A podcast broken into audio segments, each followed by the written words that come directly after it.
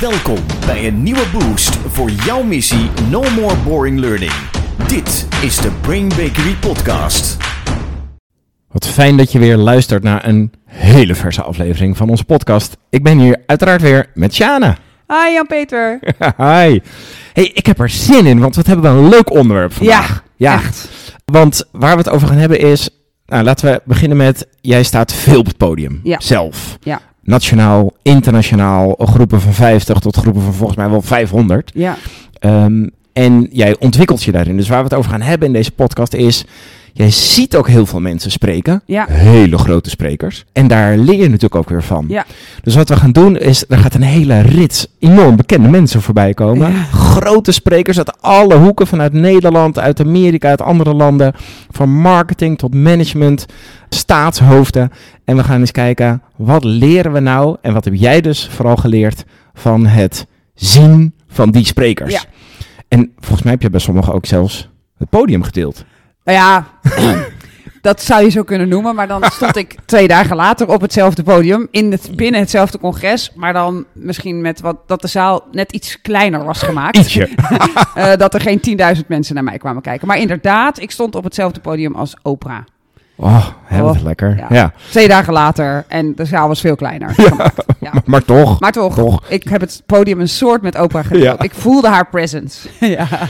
Hey, en, eh, sommigen hebben we natuurlijk ook samen gezien. Eh, maar we kijken in deze podcast vooral naar wat heb jij geleerd van deze sprekers. Maar ik, ik zal sommige dingen natuurlijk wel lekker herkennen. Ja, en ik denk dat als je dit beluisterd hebt, dat je voor jezelf misschien ook dingen eruit kunt halen van hé, hey, wat kan ik anders doen op een podium Ja. als je erop staat? Eh, of als je misschien een droom hebt van een TED-talk. En ik denk dat het ook leuk is voor je observatievermogen op het moment dat je zo iemand ziet praten, wat doet hij nou? Ja. Eh, daar probeer ik ook iets in mee te geven. Dus wel hartstikke leuk. Ja, dus je krijgt eigenlijk heel veel. Je krijgt en leuke verhalen. Ja. En je krijgt allemaal praktische tips voor hoe sta je voor eh, op het podium of voor de zaal. Stemmen gebruiken, allemaal dat soort Precies, elementen. Nou, laten we er eens induiken. We hebben een hele rits aan mensen. Ja, Wat ik al zei, nationaal en internationaal. Oprah, Seth Godin, eh, Ken Blanchard. En we eindigen deze podcast met Barack Obama. ah, ja, die bewaren ja. voor het laatst. Ja. Leuk, leuk. Eh, maar ik wou beginnen met, met iemand die ik zelf, eh, waar ik heel veel sympathie voor heb. De oude man Ken Blanchard. Oh. Leuk. Ja. Eh, voor iedereen die niet kent, Ken Blanchard, absolute managementgoeroe. Eh, misschien wel 300 boeken geschreven. Oké, dat is overdreven, maar heel veel tientallen Zeker boeken 85, geschreven. ja. Waaronder de boeken The Man- One Minute Manager, eh Goom Ho. Natuurlijk allemaal over leiderschap en management. Ja. Je hebt hem meerdere keren gezien. Ja, ik Ja, ben net op de foto geweest, ook in ge- verschillende gewichtscategorieën. dus hij herkende me ook niet. maar dat, wat een ongelooflijk sympathieke Ja, vent is dat. ja. Ja, het, is een, het is dus een, inderdaad een absolute goeroe. En ik ben een aantal keer op een congres geweest waar hij sprak. En dan rijdt hij dus rond in een wagentje. Want die hele afstanden, want in zo'n congres moet je je voorstellen, loop je ongeveer 10 kilometer per dag. En dan ben je nog niet bij je slaapplek, zeg maar. En daar, dan rijdt hij rond in een karretje. En voor iedereen die wil, stopt hij. Heeft hij een vriendelijk woord? Denkt hij even met je mee? Is hij bereid om op de foto te gaan? Dit is echt een Ja. ongelooflijk schattige lieve man. En wat ik heel erg van hem geleerd heb, en dat vind ik wel heel grappig, is als hij op het podium staat, dan is hij nog steeds die verschrikkelijk vriendelijke man. Hij vertelt heel anekdotisch. En ik weet dat ik op een gegeven ogenblik naast iemand zat. Want in, zo- in zo'n congres is het de gewoonte, dat is wel handig om te weten, dat je gewoon ergens binnenloopt. En dan loop je op een gegeven moment weer weg als je denkt, dit was Ja. toch even niks. Want je, simultaan zijn er soms wel tien andere lezingen. Dus je bent een beetje aan het snoepen. En in het begin vind je dat heel onbeleefd om dan weg te lopen. Maar daarna, op, na een tijdje denk je, ja, ik vind dit toch echt niet interessant. en ik wou ook echt die ander zien. Ik kan daar nog keer in rennen. Ja. En ik weet dat ik op een gegeven moment bij eh, Ken Blanchard zat. En ik weet wie die man is. Dus ik ging zitten en ging mij laten overdonderen door zijn anekdotische vertelstijl. hè. Hij begint ergens, dan vertelt hij daarover. Dan komt er ineens iemand in hem op. Hij geeft ongeveer iedere tien minuten geeft hij een quote of twee. Eh, dus als je, als je van quotes houdt en je wilt, je wilt je rugzakje daarmee vullen. Het is gewoon een wandelende quote-machine. Je ziet ook duidelijk dat iemand anders de slides voor hem heeft gemaakt. En dat hij af en toe een soort opzij kijkt naar de slides en denkt: Oh ja, ik moet me wel een beetje aan mijn verhaal halen. Maar je bent in the presence of genius. Dus dat is heel gaaf. En ik weet dat er iemand naast me kon zitten op een gegeven moment. eh, die was dus duidelijk aan het shoppen. Ik denk ook dat hij niet wist wie Ken Blanchett was. En die vond er dus geen touw aan vast te knopen wat die man aan het doen was. Dus naast mij zat iemand die een soort afkeurend... "Huh, "Huh, waar is de lijn? Een beetje zat. En ik zat echt van, tell me more, fill me up with quotes and wisdom and, and, and until my cup runneth over. En eh, die diegene naast me vond dat dus heel vervelend. Dus wat ik daarvan geleerd heb, is dat als je anekdotisch wilt vertellen en je bent zo goed en ervaren als Ken Blanchard dat je dat kunt, Ja. dat het nog steeds super handig is om even te zeggen hoe ik vertel is zo. Eh, en om even ergens altijd in je verhaal in te bouwen het managen van het, van het luisteren in de zaal. Van weet even dat dit je gaat overkomen. Zo ga ik het doen. Eh, zodat Slim. iedereen kan denken, aha, oké, ik snap dat dat die kant op gaat. Ja. Ik ga even rustig zitten en laat het lekker over me heen komen. Ja. Dus niet gaan vertellen wat je gaat vertellen, maar Nee. wel hoe je het doet. Mijn stijl En, gaat deze zijn. ja, en ja. dat dat een gevoel bij je kan oproepen. ja, dus ik sindsdien Goeie. Ja. Omdat ik vaak de wat meer provocatieve spreker ben. en die iets meer, ja, af en toe een powerword gebruikt. en Oh, wat echt? sp- spannender is. Vind ik het heel lekker om dat even te zeggen tegen de zaal. Geeft mij ook ontspanning. Ja. Maar het geeft de zaal ook van, oh ja, inderdaad, eh, deze vrouw ziet er iets anders uit dan de vorige man die een, een pak aan had. en ik ga dus ook iets horen wat iets feller is, iets pittiger is dan normaal. Goeie. Dus dat heb Ja. ik echt eh, bij Ken Blanchard eh, weggehaald. Ja, je zou even managen hoe ze naar jou gaan luisteren, wat voor gevoel dat kan oproepen. Ja. Zodat jullie eigenlijk allebei, allebei de partijen daar lekker ontspannen in gaan zitten. precies. Fijn zeg. We gaan naar Nederland, Ja? want we hebben ook Jos Burgers. Ja, Jos Burgers, veel boeken geschreven, Ja. heel veel over klantenbelevingen. Klanten zijn net mensen. Ja, één vent boek. per dag. De wet van snuf. de wet van snuf. Ja. ja. Vertel, wanneer heb je hem gezien? Weet je dat nog? Ik heb hem twee keer eh, zien optreden. Eén keer bij één fan per dag en één keer in een managementbijeenkomst. En ik heb hem ook een keer uitgenodigd voor het managementteam waar ik toen in zat om daarvoor te komen spreken. Dus ik heb hem eh, drie keer live gezien. En wat ik van hem fantastisch vind is hoe hij zijn Brabantschap, eh, Brabants zijn omarmt. Dus hij is echt een Brabo. Hij draagt dat uit. Hij heeft dus ook het Brabantse accent. En hij oont dat echt.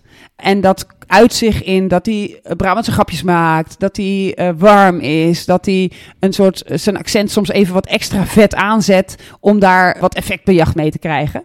En dat vind ik wel heel gaaf om, om te leren van hem. Want ik weet nog dat ik voor het eerst in het buitenland ging spreken. En dat ik echt dacht, ja, ik heb Engels gestudeerd, dus ik kan echt posh English. Hè? Ik kan echt prachtige Engelse Ja. accenten doen. Maar ik ga hier voor Fransen spreken die zenuwachtig zijn over Engels. Sterker nog, Fransen denken echt dat ze geen Engels kunnen.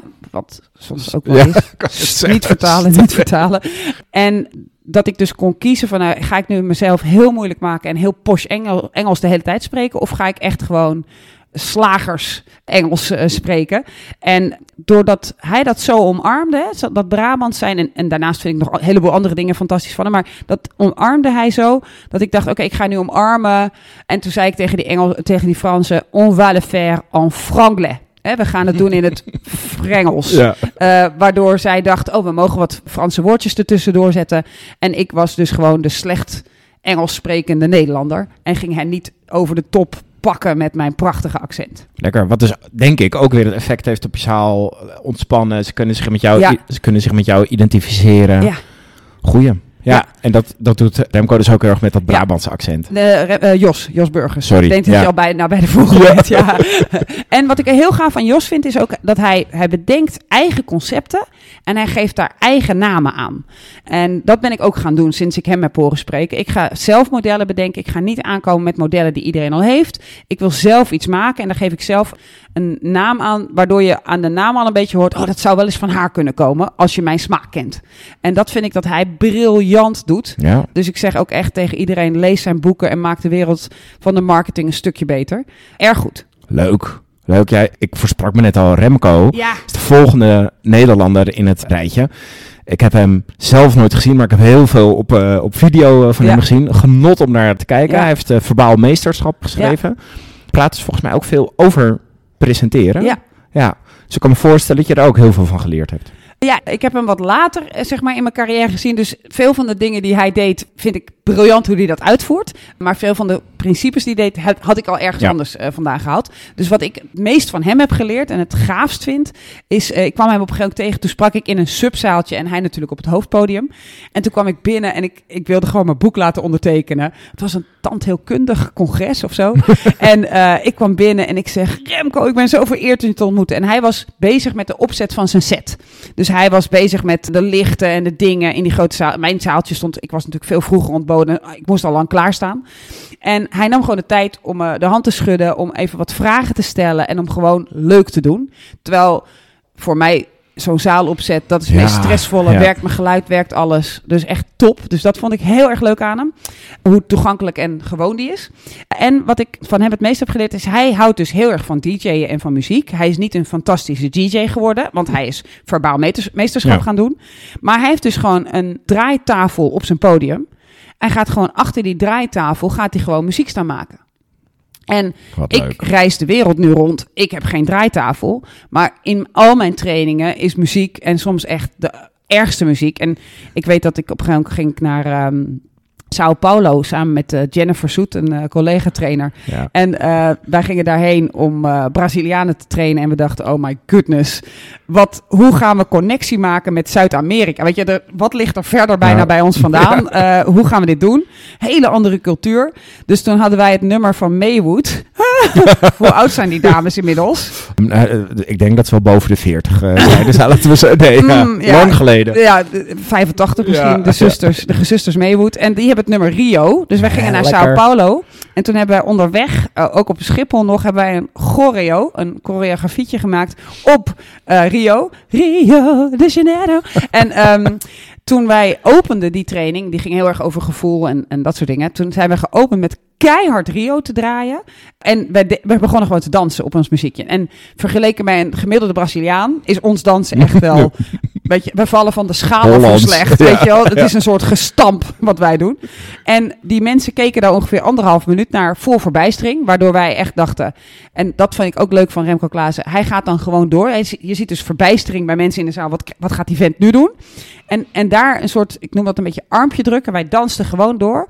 En aan het eind van het nummer, het duurt maar 2,5 minuut, 3 minuten, danste iedereen mee. En in de eerste pauze zeiden we, oké, you now have a break. En toen zei er al iemand, where is our theme song?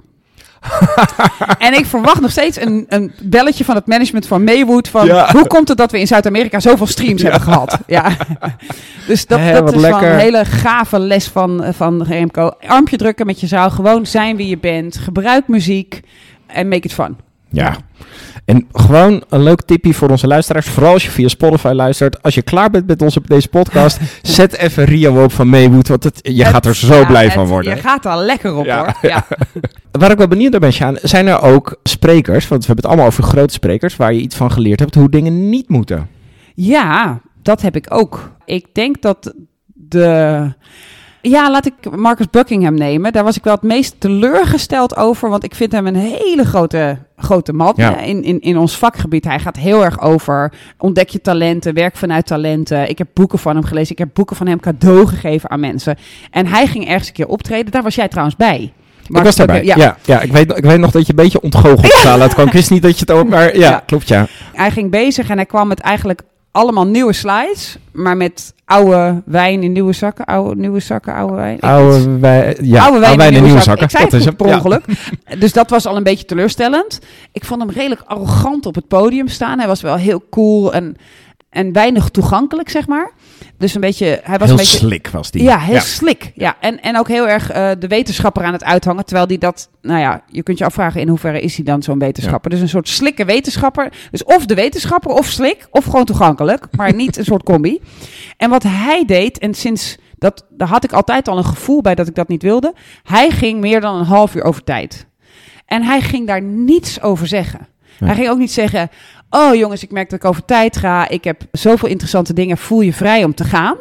Of, maar ik ga nog even door. Of ik geef je nu vijf minuten om te vertrekken als je weg wilt, omdat je een andere afspraak hebt. Hij ging niet zeggen en ging gewoon over tijd. En ik ervoer dat toen in die zaal als zo onbeleefd. Want ik had een volgend iets waar ik heen wilde. En daar kon ik dus niet heen, want ik bleef toch maar een soort beleefd zitten. Ja. Dus nou ja, sindsdien, daarvoor ook al nauwelijks, maar sindsdien, ik ga niet over tijd. En als het gebeurt dat door vragen ik over tijd ga, dan I make it a point to, to say something about it. Ja, ja, ja, Ja, ik ja. herken dat. Wij doen het ook in al onze trainingen. Oh. Niet over tijd. En als het zo is, excuseren, mensen vrijbrief geven Ja, om eh, ga eerst om maar weg. gaan. En als je wil blijven, ook bij webinars, weet je, ik blijf altijd nog even hangen, maar, maar zorg dat iedereen naar zijn kinderen of naar whatever kan.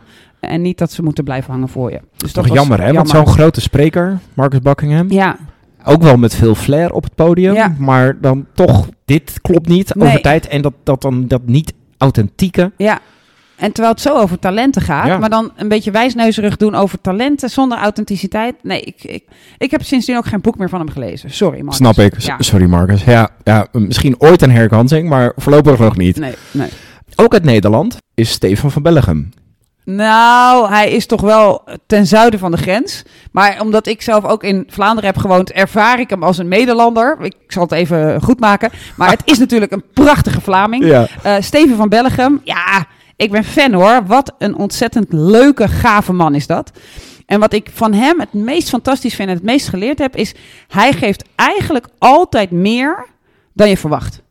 Oh. Hij geeft nog even een onderzoek, heeft daar nog wat wetenschap over. En hij vertelt alles middels storytelling. Lekker. Hij heeft een eigen YouTube-kanaal. En waar Steven van Bellegem, voor de mensen die hem niet kennen, heel erg onbekend staat, is dat hij een soort de toekomst voorspelt. Hij ziet trends, wat doen de grote organisaties. En hij voorspelt dan, we gaan die kant op. Ook een echte visionair. Echt een visionair. Ja. En hij ontdekt ook allemaal dingen van. Want ik denk dat wij in de LD-wereld allemaal ons bewust moeten zijn van. Wat gebeurt er in de wereld? Wat zijn de grote trends? Zodat je die kunt doorvertalen naar al je klanten en naar de kleinere trends. En hij loopt daar echt in voorop. Hij ontdekte bijvoorbeeld als eerste dat. Hè, je hebt natuurlijk de platformeconomie. En hij ontdekte als eerste dat, dat eigenlijk wat alle organisaties natuurlijk willen, dat ontdekte hij niet hoor, maar dat wat alle organisaties willen is steeds digitaler worden en het daarmee ook steeds persoonlijker maken. Hij ontdekte een, Bel een Belgische bank, die heeft alle doelpuntrechten van de voetbal opgekocht. Dat wil dus zeggen, als jij een klant bent van die bank, dan krijg jij dus automatisch, krijg jij alle, kun je instellen, nou, ik ben fan van Club Brugge, of eh, krijg jij die naar, naar je toe gepusht op je bank-app. Waardoor, je ze, waardoor ze je dwingen Ja. om via de bank-app contact te maken met voetbal, met positieve emoties, met fan zijn en dat soort dingen. Wat. En wat ze daarmee doen, is dat alle mensen die geen klant zijn van die bank, die toch de doelpunten willen zien, die moeten dus voor een tientje de bank-app installeren. Dus stel dat ze bij een andere bank zitten, dan denken ze de hele tijd van, ja, deze bank is toch ook wel fijn, want hier, hier, hier krijg ik tenminste gave gevoelens van. Misschien wil ik daar wel meer bij. Dus het is een heel gaaf experiment wat die bank aan het doen is. Dat, door dat ineens op te kopen, terwijl je bent geen sportstation, je hebt, weet je. En dat meldt hij dan. En dan zie ik daar gelijk weer een trend in. Heel erg gaaf. Leuk. Hij spreekt ook, vind ik, met een redelijk afschuwelijk Vlaams accent Engels. En toch volgers van over de hele wereld, omdat hij zo verschrikkelijk goed is in content geven en dat goed te storytellen, waardoor je aan zijn lippen hangt. Dus mocht je hem niet, nog niet volgen, volg Steven. De Vlaming. Allee. Niet, niet een Hollander, maar de Nee. Vlaming. Ja. Nee, hij is dus meer waarde leveren. Eigenlijk de hele tijd soort wat extra's leveren. Ja, hij Heel doet echt content marketing. Hij geeft heel veel, Ja. waardoor je hem heel graag terugvraagt en inzet bij klanten. Ja. ja. Slim, doet hij goed. Ja. Hey, laten we naar een heel praktisch aspect gaan. Want Ja. eh, we zeiden, je staat zelf ook heel veel op podia en eh, voor groepen. Eh, je doet dat al jaren, maar ik kan me voorstellen dat je van deze sprekers misschien ook wel dingen leert over van die praktische elementen. Als bijvoorbeeld, wat doe ik met mijn stem? Stemgebruik, intonatie, Ja. dat soort dingen. ja. Leer je dat dan ook nog van dit soort... Ja, ik, ben, ik zit altijd eigenlijk op twee manieren te kijken van wat, hoe doen ze het? En ook wat is de content? En ik probeer eigenlijk bij beide, ik probeer een soort dubbel te schaken, dat ik ze allebei helemaal naar binnen zuig. En wie ik het mooiste stemgebruik vind hebben, wat ik geprobeerd heb en niet kan. eh, ik heb gewoon een te schelle schreeuwstem. Eh, maar goed, ik, ik, ik, ik, oefen wel. Eh, dat vind ik Simon Sinek. Ach, Ja, bekend van, eh, ja, de de Golden Circle. Circle Ja. natuurlijk. Ja. ja, en de Infinite Game. Infinite Games, een, meest zijn recente boek, hè? ja. Ja. Iedereen kent hem. eh, De Be- Begin with Why, Start with Why. Wat hij heel mooi doet, is als je naar zijn intonatie alleen gaat luisteren, is dat hij zo'n mooie cadans heeft dat hij je bijna in een soort ritme brengt, waardoor je de hele tijd aan het luisteren bent. Het is een warme klank en hij, hij varieert daar op een hele leuke manier in, waardoor dat eh, heel prachtig klinkt. Ik heb het geluk gehad, alleen dat was wel een nadeel, om Mhm. hem twee keer eh, te zien. En Mhm. daar deed hij een deeltje, deed hij hetzelfde. En toen merkte ik dus dat hij het woord voor woord uit zijn hoofd kende.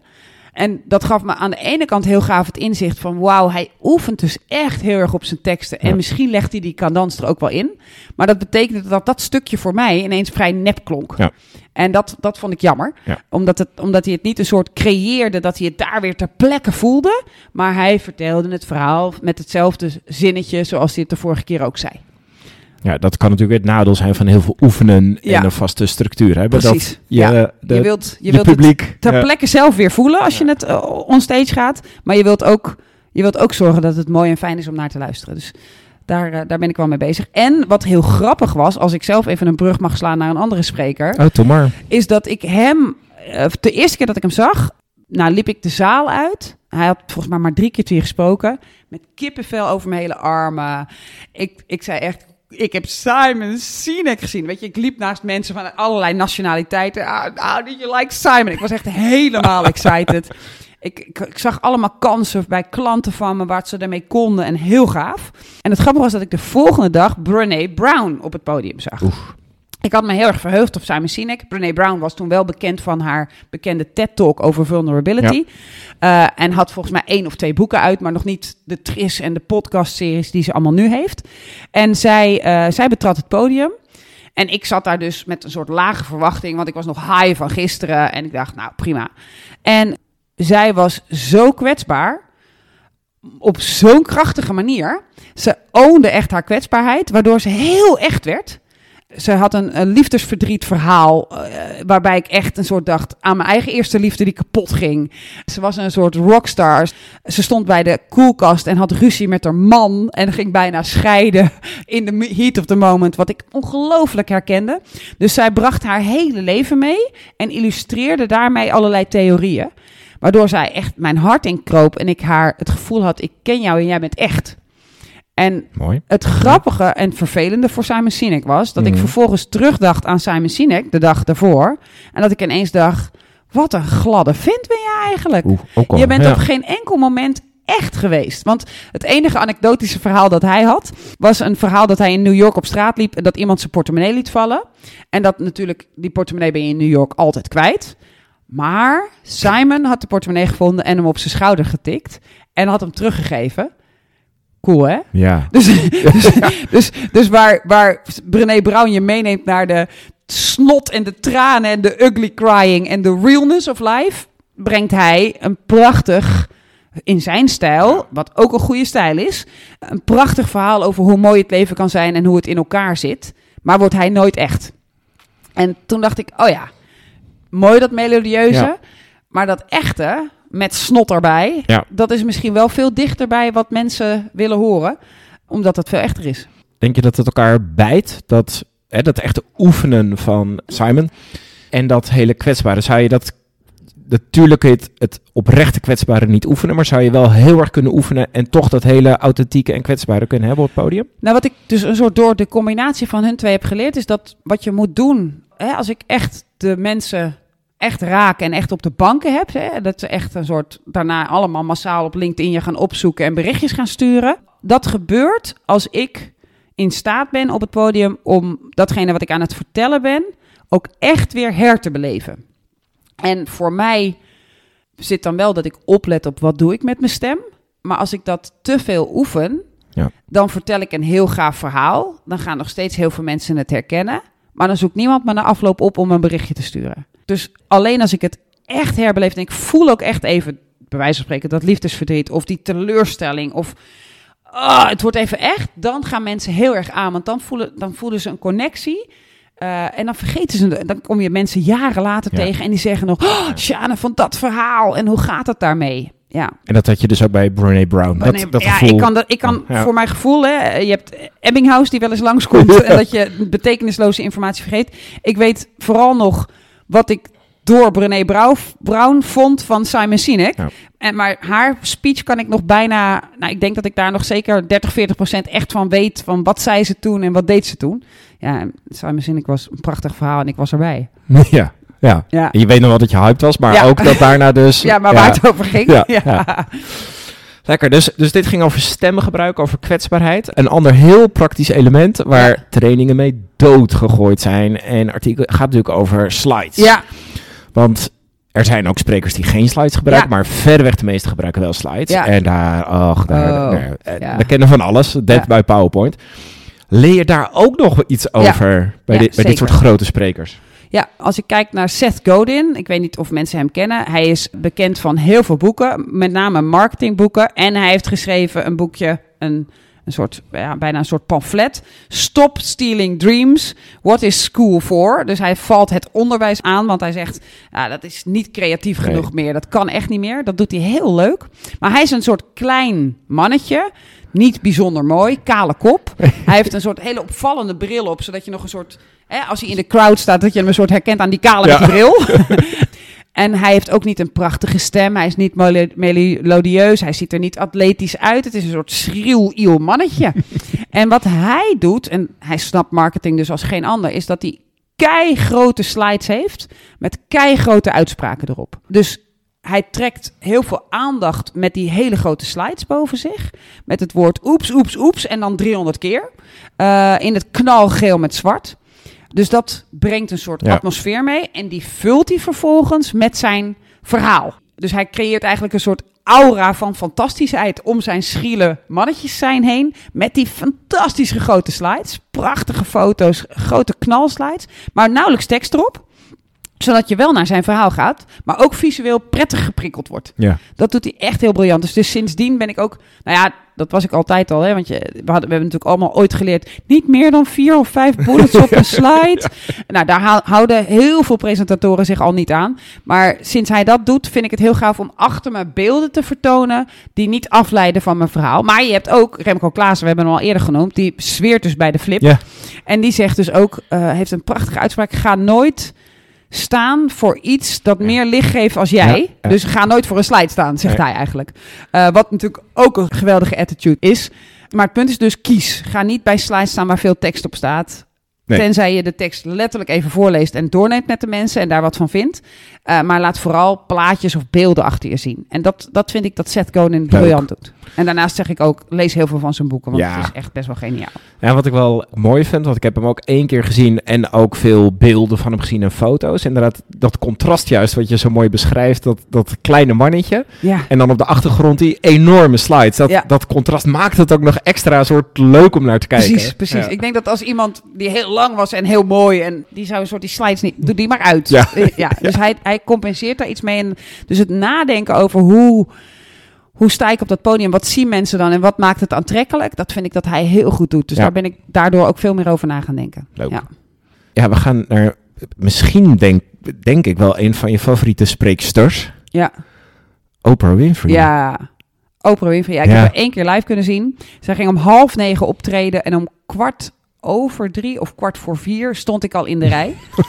Eh, Je had er zin in. Ik had er zin in. Ja. Want ook hoe vaak is een keynote speaker vrouw? Ja. En hoe vaak is een keynote speaker een vrouw met kleur? Dus ik dacht ook echt, wauw. En ik ben natuurlijk met haar opgegroeid. Ik ben ook zo'n kwezel, zo'n weekdier, zo'n zo'n slak die zodra Oprah op, op tv komt en iets moois gaat doen, dat ik al een soort Ja, snotterend. snotterend Ja. klaar zit. Eh, maar dus de kans haar te zien. Dus ik was volgens mij nummer 7 in de rij. En eh, we hebben daar echt de, eh, ja, de hele ochtend feest aan vieren, omdat we naar opera mochten. Wat zij briljant doet, is she owns the stage. Dus, dus heel veel keynote speakers op zulke grote podia, die laten zich aankondigen. Er komt iemand met ze mee, die gaat ze interviewen, zodat ze de setting controleren. Oprah die zegt, geef me die microfoon en die loopt het podium op. Heeft niets achter zich, ja, een soort donkerblauw scherm. En daarvoor gaat ze staan in haar okergele jurk. En that's it. Eh, zij heeft een Ja. microfoon, ze heeft hem niet om, zodat ze er niet op hoeft te letten. Aan haar mond. Ja, en omdat ze zo bekend is, opent ze ook met good morning. En iedereen gaat... "Ah!" Weet je wel? En prachtig. En vervolgens zeggen, ja, ja, settle down, settle down. Zij doet een verhaal op haar eigen wijze. Ze associeert dingen aan elkaar. En wat zij deed, dat vond ik echt bijzonder. Want zij hoeft zich niet voor te bereiden op welke audience heb ik hier in de zaal. En wat zij deed, was dat toch doen. Dus dat viel mij op. Want zij stond voor allemaal learning and development professionals. Mhm. En zij begon met, you and I have something in common. Oeh. We both want to teach the world. And you are the teachers of the world. Nou, die hele zaal kon je gewoon ter Ja. plekke al wegdragen. Zo bekrachtigd voelden we ons. Ergens lijken we een beetje op opera. We hebben iets gemeenschappelijk. Maar zij zetten ons dus ook neer als de teachers of the world. Ja. In plaats van, ja, you are all in education. Hè, dat, dat deed ze heel mooi. En ze had dus haar verhalen die ze vertelde ogenschijnlijk uit de losse pols. En ik denk dat zij zo vaardig is dat ze ze ook uit de losse pols kan doen. Dat ze waarschijnlijk een lijstje heeft met drie topics die ze wil doen. Maar die had ze allemaal gelardeerd met education. Zij vertelde ook haar biggest fails. Want ze zegt van fails ga je leren. Dus Oprah Winfrey komt op het podium en die zegt... ik ga de vijf grootste verhalen waar ik gefaald ben... en wat ik daarvan heb geleerd, ga ik met jullie delen. Nou, dat deed ze briljant. Maar het mooiste vond ik hoe ze de zaal aanvoelde... en hoe ze dus... en nu ga ik een soort mezelf tegenspreken... Oeh, leuk. hoe ze de zaal aanvoelde. En ze ging over tijd. En er was een, een, een soort teller. Dat als je, als je op grote podia staat, dan heb je vaak een soort aftelmachine die voor je staat. Zodat je echt iedere seconde een soort naar je voeten kunt kijken. En dan staat daar een hele grote klok. En die staat een tijd lang in het groen. En de laatste vijf minuten of zo wordt die dan Ja. rood. En dan gaat hij ook een soort blinken. En dan echt van, en oprotten nu. Hè? Dat, dus, je, dus als je daar voor het eerst mee te maken hebt, kan je echt heel zenuwachtig worden. Want je ziet hem van 16 minuten, 15 minuten. Je ziet hem steeds aflopen. Ja. En zij had dat ding natuurlijk ook. Eh, ze stond voor 13.000 man, denk ik. En eh, hij liep af naar beneden. En op een gegeven ogenblik hadden ze daarin, dat heb ik nooit meegemaakt, want ik ga nooit over tijd, ging het ding piepen. En zij zegt, uh, all right everybody, I'm going over time. I think you love it. If you don't, please feel free to leave. En toen liep ze naar voren en zegt ze, this thing is beeping. Gewoon tegen de, de geluidstechniek. Make it stop. en toen deed ze ook een soort koddige schop ernaar, alsof ze dat ding van het podium af wilde schoppen. Ze voelde aan dat die zaal daar echt voor haar was. Ik weet niet of ze gezien had dat we daar al om kwart over drie of kwart voor vier stonden. Maar zij dacht, ik pak mijn tijd. En iedereen die wil blijven, mag blijven. En durfde dus een soort geintje, gebbetje uit te halen met de geluidsmensen. Die waarschijnlijk toen zaten te sidderen. Ja. Ze deed het met zoveel humor dat het ook wel weer oké was. Maar er snelde wel iemand naar voren om dat piepje inderdaad uit te stellen. Dus eh, hoe zij daarmee omging en hoe ze aanvoelde, deze zaal wil het. Ik ga het geven, maar ik ga je ook excuseren dat je weg mag. Ja. Vond ik ook wel heel briljant. En dat is dus ook enorm owning the stage. Owning the stage. Ja. En ze, liep, en ze heeft ook op alle plekken op het podium gestaan. En ze heeft mij ook... Ik zat uiteraard op rij 1, omdat ik in die rij zo Ja. vooraan zat. En ik heb ook gerend door een hele grote zaal. Want je kwam achterin binnen en moest helemaal naar voren rennen. Op die eerste plaats, op de eerste rij zat ik. En ze heeft ook echt oogcontact gemaakt. Aha. Ja. ja. Oprah keek me aan. Ja, Ja, en weet je, als we nu zouden stoppen met deze podcast, zou het al prachtig zijn. Mm. vinden wij, vinden wij. Ja. Vind- vinden wij. Ja, vinden, ja, dit is, ja, is onze podcast, Mm. onze mening. Ja. Ehm, maar ja, we zijn nog niet klaar. Nee, Nee, want er is nog één spreker. Eh, ik heb hem ook mogen zien. Ja. En dat is meneer Obama. ja, ja. Ja. Ja, Barack Obama. Ik heb hem twee keer eh, gezien. Echt super, super vet. Wat een eer. Eh, ook grof voor be- betaald overigens. Want Ja, hij, moet hij is duur. ook, hij, moet ook, hij moet ook leven. Wat ik van hem geleerd heb is... Hij is een briljant spreker. Hij heeft natuurlijk ook briljante speechschrijvers. Ja. Eh, maar nu wilde hij geïnterviewd worden. Dus hij, kiest, hij heeft ervoor gekozen om... eh, geen idee waarom.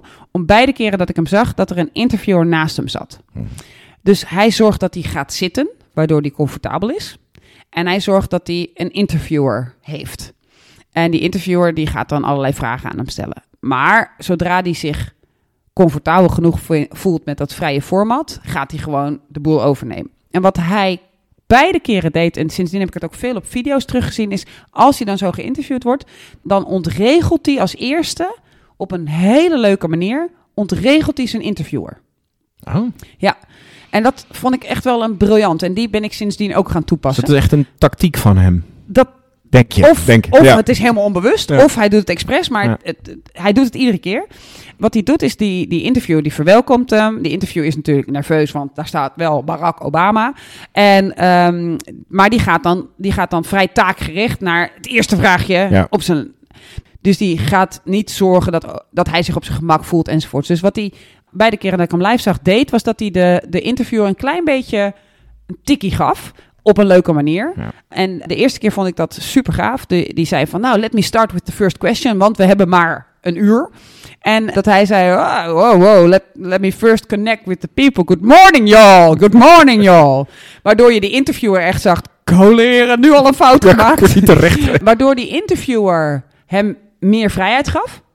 En waardoor hij sympathie won van de zaal. Want die, die dacht van ja, we willen hem nog even horen. We willen nog even voor hem applaudisseren. En dat deed hij heel leuk. En bij Ben Tichelaar, eh, toen hij in Nederland was, deed hij dat ook. Ben Tichelaar was verkozen om hem te interviewen. Die zat er ook nerveus en strak in. Ja. Terwijl die man, ja, die staat ook voor hele grote zalen. En die ontregelde die ook een klein beetje. Waardoor die daarna eh, eigenlijk owner was van het onderwerp. In plaats van dat de interviewer Ja. bepaalde wat er gebeurde. En dat vond ik een hele slimme. Dus als je geïnterviewd wordt, doe een klein ontregelend dingetje. Maak even een con- connectietje met de zaal. Waardoor je vrijheid krijgt om misschien een beetje van het format af te wijken. Als je hoort dat de zaal iets interessant vindt. Of iets langer ergens over te doen. Of misschien een vraag te skippen. Waardoor jij een beetje de baas wordt van het interview. Ja. Super slim. Take control via een beetje ontregelen. Ja. ja. Ja. Dat waren de grote sprekers, Ja. hè? Wat heb je er veel mogen zien en horen? lucky. Echt totally privileged. Ja. Is er, Ja. is er nou één die er voor jou uitspringt? Oeh. Ja, allemaal om verschillende redenen. Maar toch wel dan... Als ik ze allemaal nog een keer mocht horen... Ja. Ja, Oprah en Brené. Ja? Ja. Brené, omdat, omdat ze echt fucking real werd voor ho- 10.000 man. Dat heb ik weinig mensen zien doen. Ja, en Oprah, omdat ze gewoon een godin is. En Ken Blanchett... Oh, god. Nee, nee, nee, nee, je stop mocht maar. erbij. Stop Ja. maar, ja. Zo hebben we bekeken van nationale en internationale de grote sprekers. Wat kun je daarvan leren? En best veel. Dus we hebben het over stemgebruik gehad, slidegebruik, over de, verwachtingen van je publiek, managen Ja, van Blanchard. Take the stage, control the stage, het ontregelen van Obama. Ja. Allerlei manieren die grote sprekers gebruiken om eh, succesvol te ja, spreken. en impact te maken, ja. Ja, Sjane, ja, dank. Ja, jij bedankt. Ja. Bedankt, luisteraar. ja, inderdaad. Heel graag. Tot de volgende keer. Oké. No more boring learning. Dit was de Brain Bakery podcast. Wil je meer weten? Kijk dan op brainbakery.com of volg ons op onze socials.